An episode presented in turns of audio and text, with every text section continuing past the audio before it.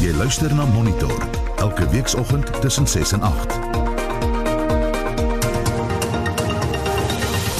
In ons program Geregtigheid het geseëvier. Oud-president Jacob Zuma sit agter tralies. The police ministry can confirm that former president of South Africa, Mr. Jacob Zuma, was placed in police custody in compliance with a constitutional court judgment. Julie is spaarmaand, maar die pandemie maak dit moeilik om 'n geldjie weg te sit. Mense wat kontante fasiliteite gehad het vir noodgevalle, het nie meer daai fasiliteite nie. Ons vind uit hoe jy kan spaar en kry selfraad van luisteraars.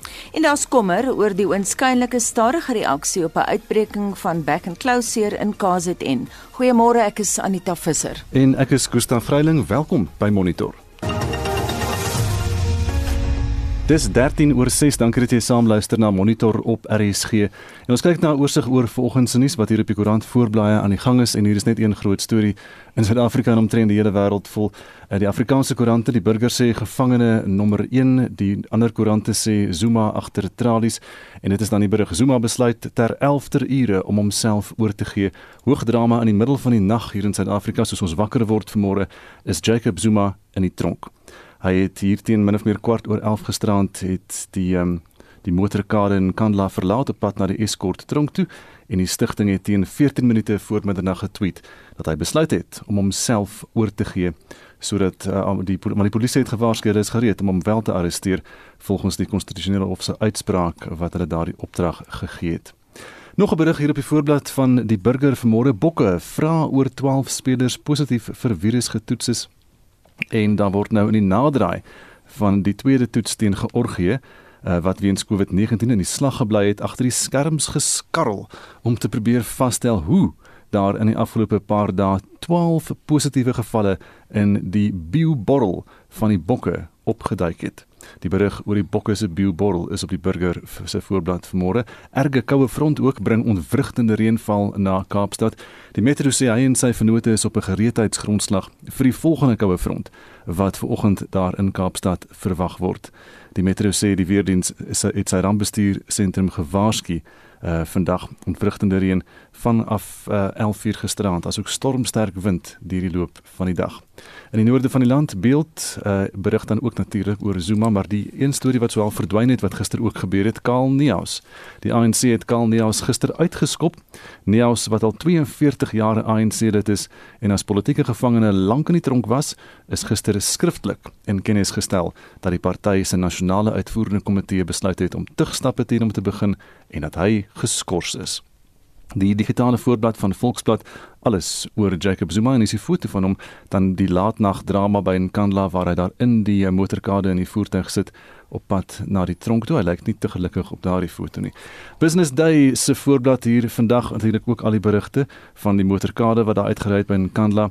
Hier's 'n berig wat sê Gauteng se oortollige of oormatige dodetal um, is nou skielik in 1 week 31% hoër hier te midde van die derde vlaag van COVID-19. Uh, die oortollige dodetal is die een wat hulle nie weet wat die oorsaak was nie. Um, en dan sien ek 'n uh, rubriek in Business Day vandag van Pieter Bruce wat sê wake me up when Zuma has been arrested. Pieter, jy kan nou maar wakker word vir môre. Internasionale nuus op bbc.com en oral. Um die hele wêreld vol. Zuma hands himself into South African police. CNN het hierdie selfde storie. Former South African president hands himself over to police. Al Jazeera, New York Times, London Times, Deutsche Welle, um, Sydney Morning Herald, CGTN in China almal berig dan ver oggend oor die nuus waarmee ons almal wakker geword het van Jacob Zuma wat in die tronk gaan wakker word vanmôre. En dis die oorsig oor vanoggend se nuus. En as jy nie daai nuus gehoor het nie, die departement van korrektiewe dienste het bevestig dat oud-president Jacob Zuma begin het om sy tronkstraf van 15 maande uit te dien by die Escort gevangenis in KZN.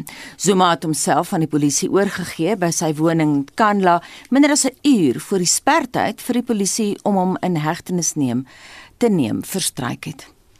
Daar was laat gisteraand geen teken van Zuma se ondersteuners en MKMVA-lede wat vroeër die dag buite sy woning wag gehou het nie.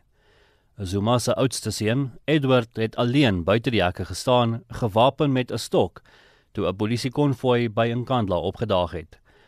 Hy het vroeër die dag nog voet by stuk gehou dat hy bereid was om te sterf om sy pa te beskerm, maar moes later die aand die aftog blaas. Edward het daarna op Twitter geskryf: "Ek het my bes te gedoen, maar die ou man het sy keuse gemaak. Ek respekteer sy besluit, maar sê vir Ramaphosa en Zondo, hierdie is nie verby nie. Julle het oorlog verklaar en ons gaan veg tot die einde toe." Berigte lui ook dat Zuma se presidensiële beskermingsdienste in Kandla aan die agterkant verlaat het toe die polisie by die hoofhek aankom.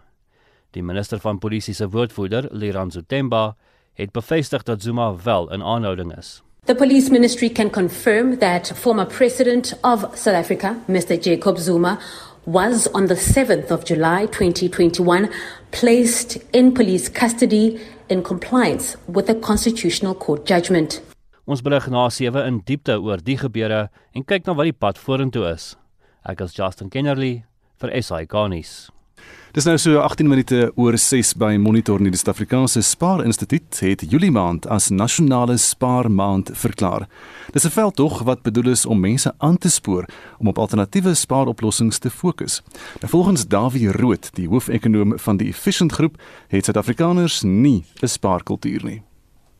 Suid-Afrika se spaarpoging is maar redelik power en Suid-Afrika in vergelyking met ander lande in die wêreld spaar baie min. Dit is baie belangrik vir 'n land om te spaar vanaf 'n makro-ekonomiese oogpunt want spaargeld word gebruik om te investeer. En jy kan nie ekonomie laat groei as daar nie voldoende investerings nie. Eh, en omdat ons nie genoeg gespaargeld in Suid-Afrika het nie, maak dit ons baie afhanklik van buitelandse kapitaalinvloeye ten einde ons investering te finansier. Nou Dawie, wat is die gevare as jy nie spaar nie? Die grootste probleem met besparing in Suid-Afrika uh, is dat die staat self nie 'n spaarder is nie, maar eintlik 'n groot onspaarder. En die staat ver, vernietig baie groot bedrae geld of kapitaal elke jaar omdat die staat langtermyn lenings aangaan om korttermyn uitgawes te finansier. So as mens kyk na die spaarders in die land, is die staat sonder enige twyfel die grootste sondaar.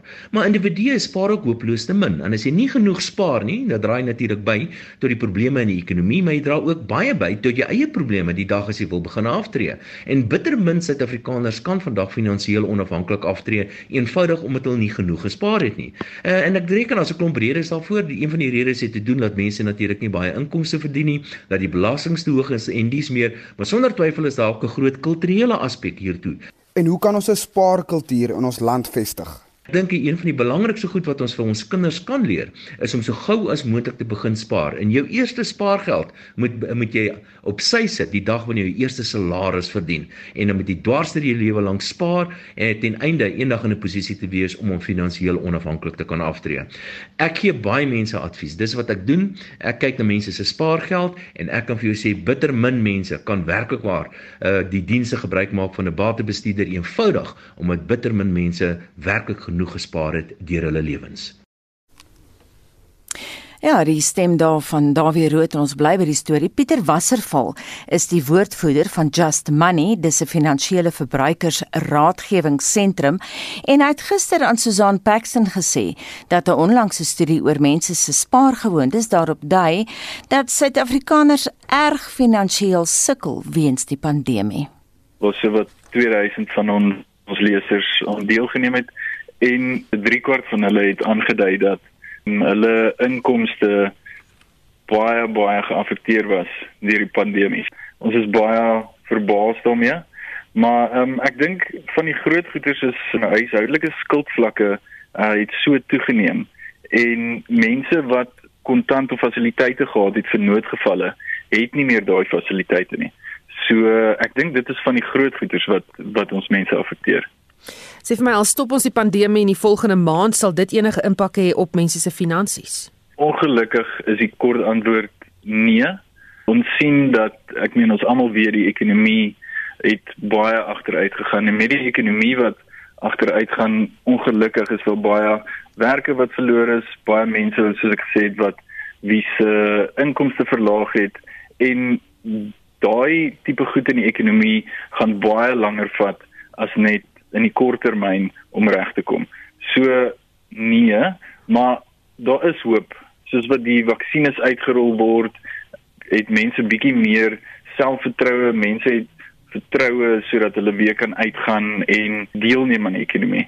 So daar is hoop, maar ek dink die hoop lê in die langtermyn en nie noodwendig in die korttermyn nie. Hoe gaan jy oorleef in hierdie tyd? dink die groot ding en dit is maar 'n ding wat is maar algemene konsep is om te begroot. En ek dink mense onderskat die vermoë om om te begroot want ek meen op hierdie stadium moet jy presies weet wat is jou inkomste, wat is jou uitgawe en hoe gaan jy omtrent trek te hou van dit verskoon die Engels. Maar um, dan kan jy ook sien waar kan ek so bietjie sny, waar kan ek so bietjie spaar. Dit is die groot idee is om deur die pandemie, deur al die moeilike tye nog steeds so bietjie terug te hou. En ek dink ons het die die konsep redelik onder die knie. Ek meen ons het so half geleer om te om te moed spaar. Ek meen baie van ons gaan eet nie meer so baie uit nie. Ons spandeer nie so baie geld op reis nie. Ek meen baie min van ons kan aanhou nou met daai goed. So ehm um, ja, Susan, ek dink ek dink dis maar die groot goed. Hm. Ek moet sê een van die groot besparings wat ek gehad het in hierdie tydperk is op brandstof omdat daar nie soveel verkeer was nie, soos nie daai stop ry stop ry situasie nie. So my brandstofrekening baie ligter of laer, maar oor die algemeen, wat anders kan mens doen om te spaar? Ons sê altyd die eerste ding wat 'n mens moet probeer doen is om jou uitgawes te probeer verlaag. En Ek dink 'n groot ding daaromtrent is skuldvlakke. Skuldvlakke is op hierdie stadium een van mense se een van huishoudes se se grootste uitgawes. En omdat inkomste verlaag was, ek dink van laas jaar af, omdat die effek nou al so lanktermyn is, het mense geneig om korttermyn skuld aan te neem en daai skuld haal hulle nou in. So ons ons waarsku regtig teen soos onnodige skuld uitneem en sny liewer jou kostes waar jy kan. En daai raad kom van Pieter Wasserval, hy is woordvoerder van Just Money, dis 'n finansiële verbruikersraadgewingsforum. Hendrik. Anita, ja, ons luisteraarsvraag handel dan ook vanoggend oor spaar maand en ons wil uh, by luisteraars weet of dit moontlik is om onder die huidige ekonomiese omstandighede te kan spaar of lewe jy van die hand tot die tand? Indien jy daarin kon slaag om geld te bere, hoe doen jy dit en watter raad het jy aan mense wat sukkel om te spaar? Daar word vanaf gisteraand al behoorlik gepraat oor die kwessie op ons Facebookblad en daar sê Gwyneth Holzhausen ek gee my seun elke maand R500 om in kripto te belê want ek weet self niks daarvan nie. My man koop ook kripto elke maand. Ons kry ook nie hierdie jaar bonus nie. Dankie COVID. So ek spaar deur elke maand 'n geldjie in die kluis weg te steek vir einde van die jaar vir Kersfees. En dan Rex Bester wat sê ek is gespaar van spaar want daar is niks om te spaar. Hmm. Miskien met Rex werk en daai digbundel en dan 'n geldjie maak. Ehm um, ons verstaan ek dat mense gons behoorlik oor die groot storie waarna ons reeds vroeër verwys het en dit is naamlik dat Jacob Zuma nou 'n gevangene is. Jy kan dan ook vir ons daaroor jou terugvoer stuur na 45889 teen 150 elk of jy gesels saam op die Monitor en Spectrum op RSG Facebookblad. Anders kan jy vir ons 'n kort stemnota stuur via WhatsApp. En die nommer daar is 0765366961 ek herhaal hom. 0765366961 61.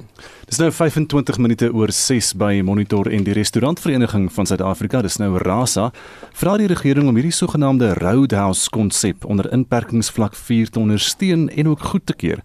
Dat die bedryf is hard getref deur die inperking wat bepaal dat hulle slegs wegneem etes mag verkoop.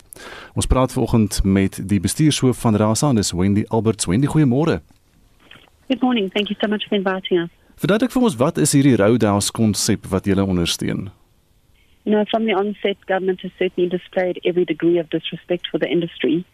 You know, we're finding ourselves now two weeks into potentially having to reopen. And again, the consultation has been thin. We have at every door knocked down at every ministerial division to say we are not going to take the extension of the lockdown. Our businesses are failing. They are closing doors. We are currently trading at 7% of turnover. We have laid off close to 750,000 people and the industry simply cannot afford to continue in the lockdown. Part of the last two weeks' critical movement has been to approach government to say, look, while we're trading at 7% of turnover, we're looking for more opportunity to be able to exercise businesses. We're sitting in debt. The landlords will not um, budge. We've asked that Minister Patel suspend our leases and suspend our bank loans.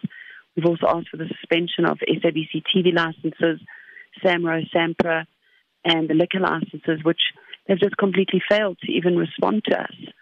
So we approached them with the Roadhouse concept. In our, it's in car dining, and it's an opportunity for families to get out to safely come to certain establishments that lend itself for the opportunity to have that facility, and it gives us an opportunity to keep waiters employed.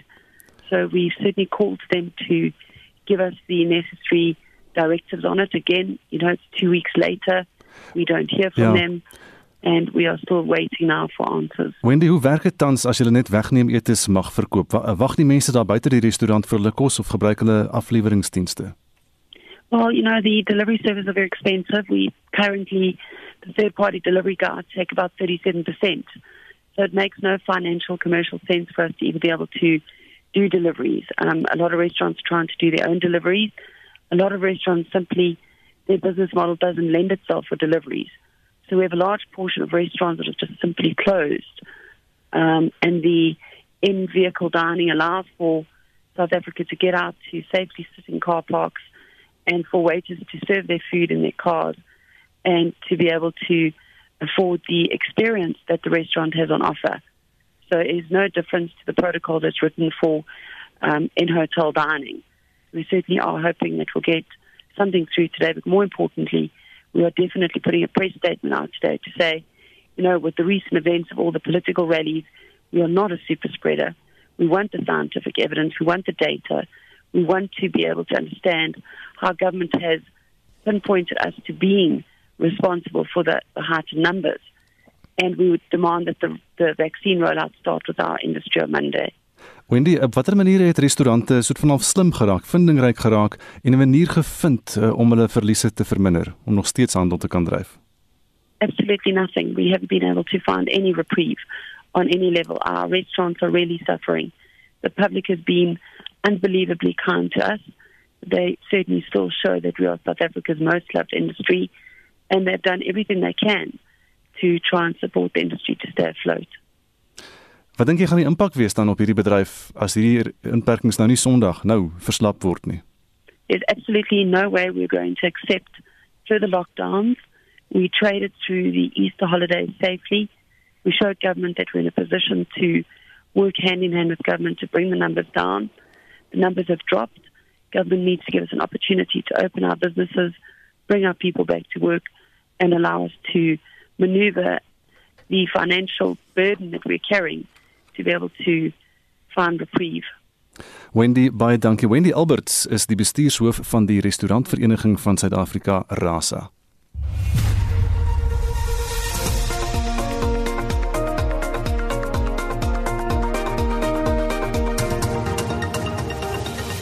Dis half 7 nou en in die nuus die DA sê hy neem kennis van die verkiesingskommissie se besluit om die kieserregistrasie naweek met 2 weke uit te stel. Die departement van korrektiewe dienste het bevestig dat Jacob Zuma begin het met die uitdiening van sy gevangenisstraf van 15 maande. Net hierna in Monitor Agri Weskaap sê die landbousektor moet teen COVID-19 ingeënt word. En Amerikaanse soldate is reeds besig om Afghanistan te verlaat maande voor die sperdatum van 11 September. Dit terwyl gevegte woed tussen die Taliban en regeringsmagte bly ingeskakel. En dit dek die tafel vir Heinrich. Aneta ja, William Jumat sê oor ons vraag oor of jy kan spaar, hoe jy spaar, wat se raad jy verander het gegee die huidige ekonomiese omstandighede. Spaar is steeds jou eerste item op jou begroting. Ons het ook inkomste beskermers uitgeneem. Deesdae is dit moeilik, maar ons spaar deur veilig tuis te bly. Hendrik de Wet vra weet nog deesdae met al die hoë pryse geld oor om te spaar. Dis net ANC ministers en lede van die parlement wat al die geld wat deur korrupsie, skelmgheid en diefstal verkry is, kan spaar. En dan gee jy so 'n hele lys van prysverhogings. Dit sluit in van Eskom met die krag tot munisipale dienste tot van ons bekendste supermarkte en dan ook brandstofstygings van die onlangse verlede. François de Wet sê as jy vir die staat werk of vir een van sy instansies, dan kan jy dalk spaar. Ons mense wat gemelk word en ons besighede wat bedreig word van alle hoeke af, ons kan nie spaar nie. En Kilian sê werk mooi met dit wat jy het, pas dit op wat jy reeds besit, moenie skuld maak nie, koop slegs as jy moet dit kontant. Willie Serfontein sê die mense wat kan spaar is ryk of hulle eet nie. Persoonlik is daar nie vir my 'n manier om te spaar nie. En dan uh, Piet de Tooi wat sê ek sou graag wil weet hoe groot 'n salaris moet jy kry om te kan spaar? 'n Laaste een van Fred Wilken wat sê spaar in die huidige situasie waarin almal nou is en dan gebruik hy 'n emoji waar die mannetjie sê oë toe druk. Ons wil hoor wat jy te sê het oor die feit dat ons spaar maand hierdie maand 4 is dit vir jou 'n viering? SMS vir ons by 45889 teen 150 elk of praat saam op die Monitor en Spectrum op RSG Facebookblad of stuur vir ons 'n stemnota na 076 536 6961 dit sal jou net 'n bietjie data kos. Gaan ons na die landbou toe. Agri Weskaap het sy leerstelling uitgespreek dat die landbousektor nie geprioritiseer word vir COVID-19 inentings nie. En ons praat nou met die uitvoerende hoof in daai provinsie Jannie Strydom. Goeiemôre Jannie. Môre Anita en môre aan die luisteraars. Het julle al met die regering gepraat daaroor?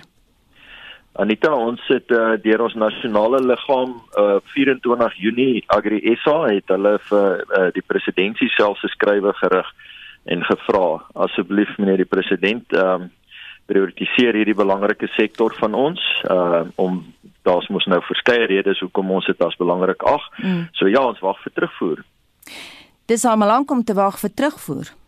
Presies en daarom het ons maar weer 'n uh, uh, verklaring uitgereik en ons provinsiale departement van landbou het al 'n skrywe gerig na nasionale departement asook ons uh, uh, minister van landbou in die provinsie so ja en uh, ons het nou gisterand het ons het ek 'n skrywe gekry van die um, van die presidentsie wat is rakende die vergadering wat die nasionale koronas uh, virus bevelsraad gehad het en en uh, daar's 'n sin daarin wat sê hulle is besig om te kyk na en ander essensiële dienste. So kom ons hoop en vertrou dat dat landbou dan daarin gesluit is. Hmm, kom ons praat oor die belangrikheid van landbou. Ja, Anita, ek dink dit is ehm um, ek wil amper nou half arrogant klink en sê dis van selfsprekend as ons mm. sien wat gebeur het uh, sedert die uh uh uh, uh um, inperkings verlede jaar al wat landbou se bydrae tot die ekonomie was. Statistiek Suid-Afrika het vir ons daai syfers gegee. Uh, ons sien wat hulle bygedra het in terme van uh, voedselskenkings uh, uh, aan gemeenskappe. Ek wil net deur Agri Weskaap het ons oor 100 ton uh, uh, varsprodukte deur Food for SA uh, geskenk gekry, jy weet. En so ek dink die landbou se bydrae is net uh, dit is uh, jy weet voedselsekerheid al daai terme wat ons daagliks nou hoor uh, is is werklike realiteit want nie een van ons het in 'n winkelrak gekom waar daar nie kos op is nie, jy weet. So ek dink ehm um, gegee die pandemie en en die impak daarvan eh, en uh om nog sonder kos te sit dink ek sou dit net hoeveel keer erger gewees het. Ehm uh, Janie, ja. jy vir ons syfers, hoeveel mense is siek in die landbousektor? Het jy sulke statistiek? Nee, ek het ongelukkig nie vir jou daai statistiek nie uh, Anita, maar ek moet vir jou sê gegeewe uh, as ek sê wel sedert Maart verlede jaar, ek dink die die maar ek wil my hoed afval vir die boere en plaaswerkers hoe hulle die regulasies nou uh, gesê nagekom het uh, om regtig te verhoed. Ons het baie houe gevat in die media ook omdat toegang tot plase, ons het dit redelik beperk en goed. Um, nou kan jy maar net dink so ja, ons het baie kritiek daarvat, maar dit het gewerk en en ek moet dit eerlikwaar sê, ek, die vergaderings wat ons hou met ons uh, streeks uh, um, departement van gesondheid en goed is werklik op plase uh, ek het nie vir jou die eksakte syfer nie maar is regtig nie is die minimum jy weet hmm. en ons wil dit graag so hou en daarom is ons uh, behoefte dan aan die inentings ook uh dan nou so krities. Baie dankie en alle sterkte dit aan Jannie Strydom, hy's Agri Weskaap se uitvoerende hoof. Dit is nou so 18 minute voor 7 nou die spertyd vir die Amerikaners se onttrekking uit Afghanistan is eers op 11 September, maar soldate is reeds besig om die land te verlaat. President Ashraf Ghani het onlangs 'n persoonlike pleidooi aan president Joe Biden gerig om sy regering in Kabul te help om aan bewind te bly. Intussen berig nuusagentskappe dat die Taliban reeds in beheer is van sowat 'n derde van Afghanistan. Vir meer perspektief hieroor praat ons nou met professor Abel Esterhuise van die fakulteit Kraskunde aan die Universiteit Stellenbosch. Môre Abel. Goeiemôre Anita. Daar is hewige gevegte tussen die Taliban en die magte van president Ghani. Meer as 1000 soldate het nou weens die gevegte reeds na die naburige Tajikistan gevlug. Hoeveel weet jy van die ontworteling? Daar is sekerlik mense ook in Pakistan. Inderdaad, die die Taliban se strategie blyk af te stuur op drie bene. Anita, eerstens om beheer te neem van die plattelandse gebiede om die provinsiale hoofsentra uh te omring ten einde dit oor te neem sodra die buitelandse magte onttrek. Tweedens om beheer te neem van die grensposte en die vloei van mense in en uit dan Afghanistan en dan derdens om 'n om 'n humanitêre krisis te skep ten einde die regering se onvermoë om te regeer en die bevolking te ondersteun uit uit te wys. Soos die gevegte tussen die Taliban en die regeringsmagte toenemend in intensiteit toeneem bring dit die die bevolking in spel. En terwyl daar buitelandse magte was wat teen die Taliban opgetree het, uh alhoewel die Afghaanse regering betrokke was, kon die bevolking half neutraal positief staan sonder om daadwerklik te kies tussen regeringsmagte en die Taliban. Maar nou dat die regering en Taliban en die, die Taliban teenoor mekaar opgestel is, word die bevolking geforseer om om kant te kies en soos dit maar in 'n tipiese burgeroorlog die geval is, stel dit families teen mekaar op en plaas dit geweldige druk op die bevolking en het dit 'n ontworteling tot gevolg. So behalwe vir die toevloei van mense, watter ander soort van geopolitiese implikasies is daar met hierdie Amerikaanse en die westerse wet onttrekking uh, vir Afghanistan se buurlande dan, die die streek? Wel, ons ons moet in gedag, miskien moet ons twee belangrike faktore verreken. Die eerste dat is dat Amerikaanse onttrekking nie die einde van die oorlog is nie en en tweedens dat vredesonderhandelinge tussen die regering en Taliban ehm um, vasgeval het en ek vermoed dat dit nou maar 'n doelbewuste strategie van die Taliban is om die onderhandelinge met die regering te stol om munt te slaan uit die strategiese geleentheid wat die Amerikaanse onttrekking vir hulle geopen het. So die oorlog Afghanistan het nou toeneem aan die tipiese kenmerke van 'n burgeroorlog en alhoewel Taliban redelik in die weste opgestel is as die vyand is die Afghaanse buurlande nie noodwendig altyd vyandig teenoor die Taliban ingestel nie. In Pakistan byvoorbeeld is daar heelwat steun vir die die Taliban. En dit beteken dat die Taliban dikwels die buurlande as veilige vestinge gebruik of ten minste word hulle in die buurlande verdra. Mhm. En, en dit gee die rol van die buurlande of bring die rol van die buurlande toenemend in spel. Abel ons het nou verwys na die Amerikaners, maar die Aussies is daar, NAVO is daar natuurlik en die Kanadese, daar's 'n hele koalisie van vennote van die Amerikaners wat in Afghanistan is en hulle is baie ongelukkig oor die Amerikaners se eensydige aankondiging van hulle onttrekking uit Afghanistan. Ja, inderdaad, ek het uh, gister gesien dat selfs generaal Austin Miller, die huidige bevelvoerder van die Amerikaanse magte in Afghanistan, gewaarsku het oor die dringendheid van van die krisis wat op hande is met die Amerikaanse onttrekking.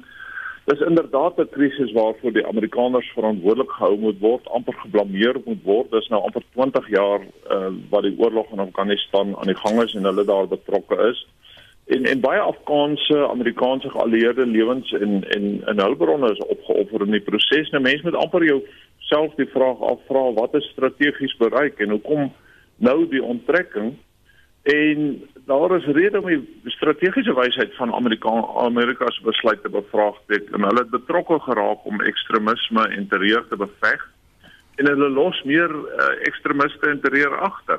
Ehm um, ek het hierdie week met verskeie mense in die Amerikaanse militêre birokrasie gesels en my afleiding is dat die besluit ehm um, tot 'n groot mate die gevolg is van 'n Biden verkiesingsbelofte. En dis nie besluit wat geneem is teen die strategiese agtergrond van internasionale politiek, geostrategiese impak, die operasionele strategiese realiteite uh in Afghanistan die, en dit bou 'n bepaalde strategiese ongemak in Afghanistan in wat vir my baie interessant is ook is hoe die Amerikaners uh, en die Aussies um, byvoorbeeld die die Afghane wat saam met hulle gewerk het repatrieer uh, Australië en en die VSA toe. Ja, jy praat net so van die kritiek en Hamid Karzai self is een met kritiek, die voormalige Afghaanse president natuurlik, wat dankbaar is. Hy is dankbaar vir die manier hoe hulle gehelp het daar in die land eh, vir die afgelope klompe jare met gesondheidstelsels, onderwys en so aan en al daardie dinge. Maar hy het nog steeds kritiek teen hulle om uh, om hulle net so te los basies. Wat is jou kommentaar daarop? Inderdaad, uh, die die die hoof van die van die Britse weermag, ek dink ek hierdie week geskryf en die Britte is altyd baie diplomaties rondom hierdie goed so hy takvol na die Amerikaanse on, on, onttrekking verwys as not a decision we hope for Um, en ek sien dat die Britte nou oor hoofse poging van stapel stuur om politieke en veiligheidssamewerking tussen die Afghaanse regering en Pakistan van stapel stapel te stuur ten einde die onderhandelinge weer aan die gang te kry. Uh, selfs NAVO die sekretaris-generaal wat nie noodwendig altyd uh, in openbaar rondom hierdie goed praat nie, het uh, gewaarsku dat die prys van 'n vroeë en ongekoördineerde onttrekking te hoog gaan uitspeel oor die lang duur en dat dit ehm um, Pakistan 'n platform gaan raak van militante en internasionale terreur. So daar's daar's breë ongemak uh, met die Amerikaners uh, se redelike ongekoördineerde besluit om om hier te onttrek.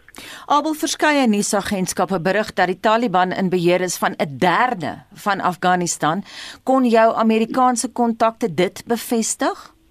Ja, ehm um, dit begin amper 'n openlike geheim raak Anita dat die Taliban nou in beheer is van groot dele van die Afghaanse platteland. Sommige bronne praat van uh, tot uh, eh, 50% van van die land wat reeds onder Taliban beheer is.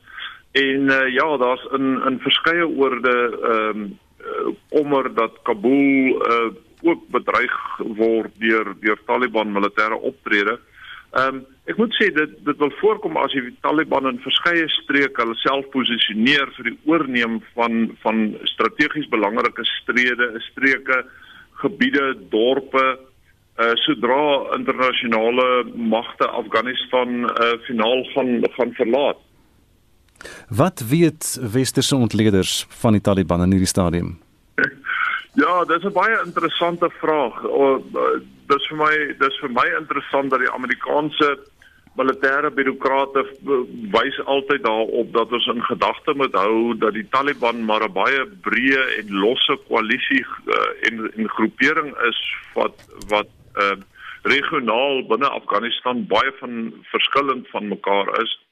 Ehm um, dit maak dit moeilik om met hulle te onderhandel, moeilik om hulle te beveg en gevaarlik as 'n regering wat dit bring die sentraliteit van 'n regering in Afghanistan in gedrang en gee Afghanistan amper 'n bendeagtige voorkoms wat streek en en gebiedsleiers uh baie sterk maak uh wat hulle beheer laat uitoefen oor die sosiale, ekonomiese en en en die regeringsrolle uh, in in streeksverband. Ehm um, en natuurlik wat 'n mens ook hier baie sterk sien uitspeel is die geweldige druk wat daar op die marginalisering van vroue en en kinders in die plattelandse gebiede is waar die Taliban beheer uitgeoefen het wat baie hartseer is. Abel, ek was 'n paar jaar gelede saam met 'n mediagroep in Peshawar en ons het daar gepraat met ontleeders by die universiteit en hulle het vir ons gesê hulle was baie positief teenoor die Taliban en het verwys na die baie goeie werk wat hulle op grondvlak doen. Hulle het ook vir ons gesê dat die westerse media die Taliban heeltemal verkeerd uitbeeld. Dis net een kant van die storie. Uh hulle doen baie goeie gemeenskapswerk ensovoorts. Jou reaksie daarop? Wel, ehm um, 'n mens moet in gedagte hou Anita en ek stem saam met jou, uh die Taliban doen dikwels goed op op op grondvlak vir die bevolking en ons moet ook in gedagte hou dat die Amerika Amerika die Taliban opgestel het as die vyand aan Afghanistan. Ehm um, maar uh, die Taliban se ek wil amper praat van hulle filosofiese basis waarna waar waar uit hulle opereer is is maar 'n uh, uh, islamitiese filosofiese basis. En so jy gaan minder kritiek kry en 'n meer positiewe houding vanuit die islamitiese wêreld teenoor die Taliban. Maar soos ek gesê het, daar is ook dele van die van die Taliban wat ek regtig nie sien positief uitspeel oor die lang duur in Taliban nie hoe hulle opvoeding benader, hoe hulle die verhouding met met vrouens en kinders uh, benader en onderdruk. So hulle mag miskien positief ehm um, uitspeel op sekere gebiede, op ander gebiede is dit dood eenvoudig mislukking, geen twyfel. Wat van die groot aantal wapens wat die Taliban glo gebuit het met die onttrekking? Britse media berig daaroor. Ja, inderdaad, ons moet in gedagte hou dat sedert die die Russiese inval in Afghanistan in die, die 79 groot hoeveelhede wapens die land ingestroom het. Die Amerikaners en die Islamitiese wêreld het op daai stadium die die Mujahideen met groot hoeveelhede wapens voorsien vir hulle oorlog en soos die Taliban nou die regeringsmagte oorrompel, neem hulle uiteraard beheer van groot arsenaal van wapentuig wat deur die Amerikaanse en, en geallieerde magte aan agtergelaat is. Dis 'n 'n natuurlike situasie wat vergelykbaar is met ehm um, die die beskikbaarheid van van groot hoeveelhede onwettige en ongelisensieerde wapens in Afrika en dit skep dood eenvoudig die teelaarde vir toekomstige konflik en en ehm uh, 'n uh, uh, onvermoë om om goeie regering uh, te doen. Mm -hmm. Dokumentêre rolprent op YouTube met die titel Billion Dollar Base Army Base in Afghanistan wys hoe hulle gewere en messe opsny en verkoop aan inwoners. Nou hulle praat daarvan as war like scrap. Hier vertel Sergeant Uri Hill wat hulle daarmee doen. Most of this come off the ground from the the guys who are out on the ground here. So it just come here and we demilitarize it. That's my job to just smash them up. So all this get cut up.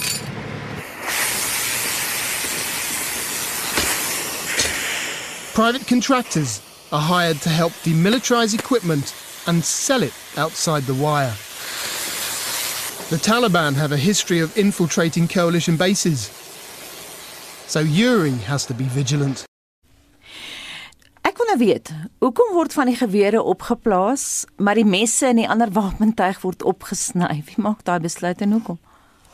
Ja, dis 'n moeilike vraag Anita. Ehm um, kan ek kan ek net sê oor oor wapentuig. Ehm um, die die uh, jy weet die die oorlog bring die die slegste in in mense na vore en en en maak nie saak wie die partye is nie. Ehm um, uh, wat wapentuig aanbetref, uh, jy hoef nie 'n wiskundige te wees om te verstaan dat wapentuig groter militêre vermoë beteken.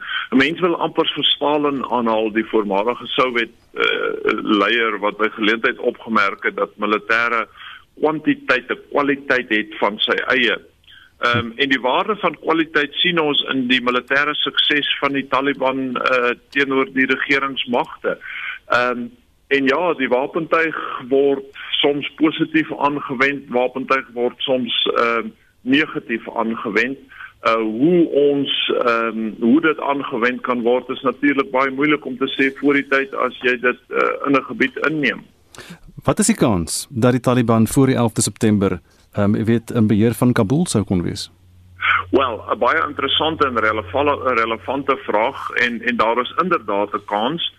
Maar ek dink die Taliban sal die saak baie strategies benader. Ehm um, om ek stel dit so, ek dink die Amerikaanse en geallieerde magte uh, soos hulle by die voordeur van die die huis uitmarseer, gaan die Taliban waarskynlik by die agterdeur inmarseer en ehm uh, so uh, beheer neem van die huis. Daar's eintlik geen rede vir hulle om onnodig uh, nou voor die tyd ehm um, strategies op te tree en onnodig bloed te te verspil, hulle eie bloed te verspil uh, ten einde dit oor te neem nie. Abel, hoeveel baat die gebyt van wapens die Taliban se vermoë om Afghanistan oor te neem? Baie, daar's da geen twyfel daaroor nie. Ehm um, en en en soos hulle al meer suksesvol is, neem hulle al meer uh, wapens in besit want die Amerikaners en die geallieerde magte het het groot in hoeveelhede wapens agtergelaat. Veral klein klein geweer ehm um, ons praat nie hier van hoofuitrusting nie alhoewel daar geweldig baie om wie voertuie agtergelaat is. Maar ehm um, 'n klein geweer 4 RPG's uh, daardie tipe van wapens en ja hulle het uh, beheer geneem van groot arsenale van wapens ek het gisteraand 'n uh, BBC program gekyk waar hulle letterlik wys uh, hoe die Taliban uh, wapentuig wat nog nooit eers oopgemaak is nie en ammunisie wat nog nooit eers oopgemaak is nie, dit staan uh letterlik soos die Amerikaners dit daar afgelaai het, staan dit nog daar en die en die Taliban neem dit oor. Ehm uh, dit voorspel niks goeds vir die vir die toekoms van van Afghanistan nie. Abel net vinnig voordat ons gaan, is die Amerikaners heeltemal weg? Hoe ver is die naaste skepe, vliegtye, hommeltuie? ja, Ek het ek het toevallig gesien dat die Amerikaners het uh, so weke wat uh, gelede beloof dat hulle 'n uh, ligsteen sal verleen aan die uh, Afghaanse magte. Uh, maar 'n mens moet verreken dat ehm uh, hulle nie toegang het tot Afghanistan nie. Afghanistan is 'n geografies 'n baie moeilike land om by uit te kom en vir Amerikaanse vliegtye om uh, in Afghanistan te opereer Ehm um, hulle het dood eenvoudig nie meer die lugmagbasisse om ligsteen te kan verleen verleen nie. Hulle het selfs nie meer die die lug die lug vermoë om om 'n uh, taktiese ligsteen daar daar te te te lewer nie. So nee, ek ek twyfel of of hulle enigsins positief uh, die die konflik gaan kan beïnvloed as hulle eers onttrek is. Baie dankie en dit dan die mening van professor Abel Esterhuise van die fakulteit Kragskunde aan die Universiteit Stellenbosch en Heinrich staan nou reg om ons te sê hoe lyk die nuutste SMS terugvoering. Anita nog baie terugvoer van luisteraars wat uh, praat oor spaarmaand en of dit vir hulle moontlik is om te spaar. Pierre Groenewald begin sy boodskap met 'n uh, uitroepteken wat sê nee, drakoniese inperkings sny jou inkomste drasties. Die land se leiers oortree sê hy die Nuremberg wette daarmee. Antoinette Maree sê ek is 2 jaar werkloos want 54 is dan nou kwans sy te oud om 'n pos te kry al het jy goeie kwalifikasies en ondervinding. Ek brei dus nou slaapkouse vir R50. Dit help daarom om vir my hondjie haar spesiale kos te kan koop. Daar's werklik geen geld verspaar nie. Ek bly tans by my bejaarde moeder wat slegs pensioen kry. So laat weet my of ek vir almal wat die berig lees sê sê maar seker wat nou luister na hierdie terugvoering boodskap of ek vir hulle 'n paar sokkies kan bring, dan kan ek 'n bietjie geld spaar. Dan oorals ons vra spaar. Daar is nie sprake van jy moet elke ek moet elke maand besluit wat moet ek betaal en wat moet ek maar laat oorstaan tot die volgende maand.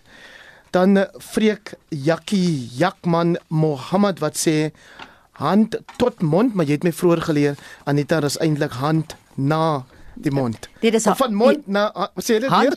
Wel as twee uitdrukkings. Daar's die hand tot die tand en van die hand na die mond. Maar ek hou nou, van die hand tot die tand. Nou goed, ek vreek sê ek werk dan net 3 dae elke week. Daar's niks om te spaar nie. Maar die Clark sê liewe genade spaar is die woord wat baie van ons nie meer ken nie.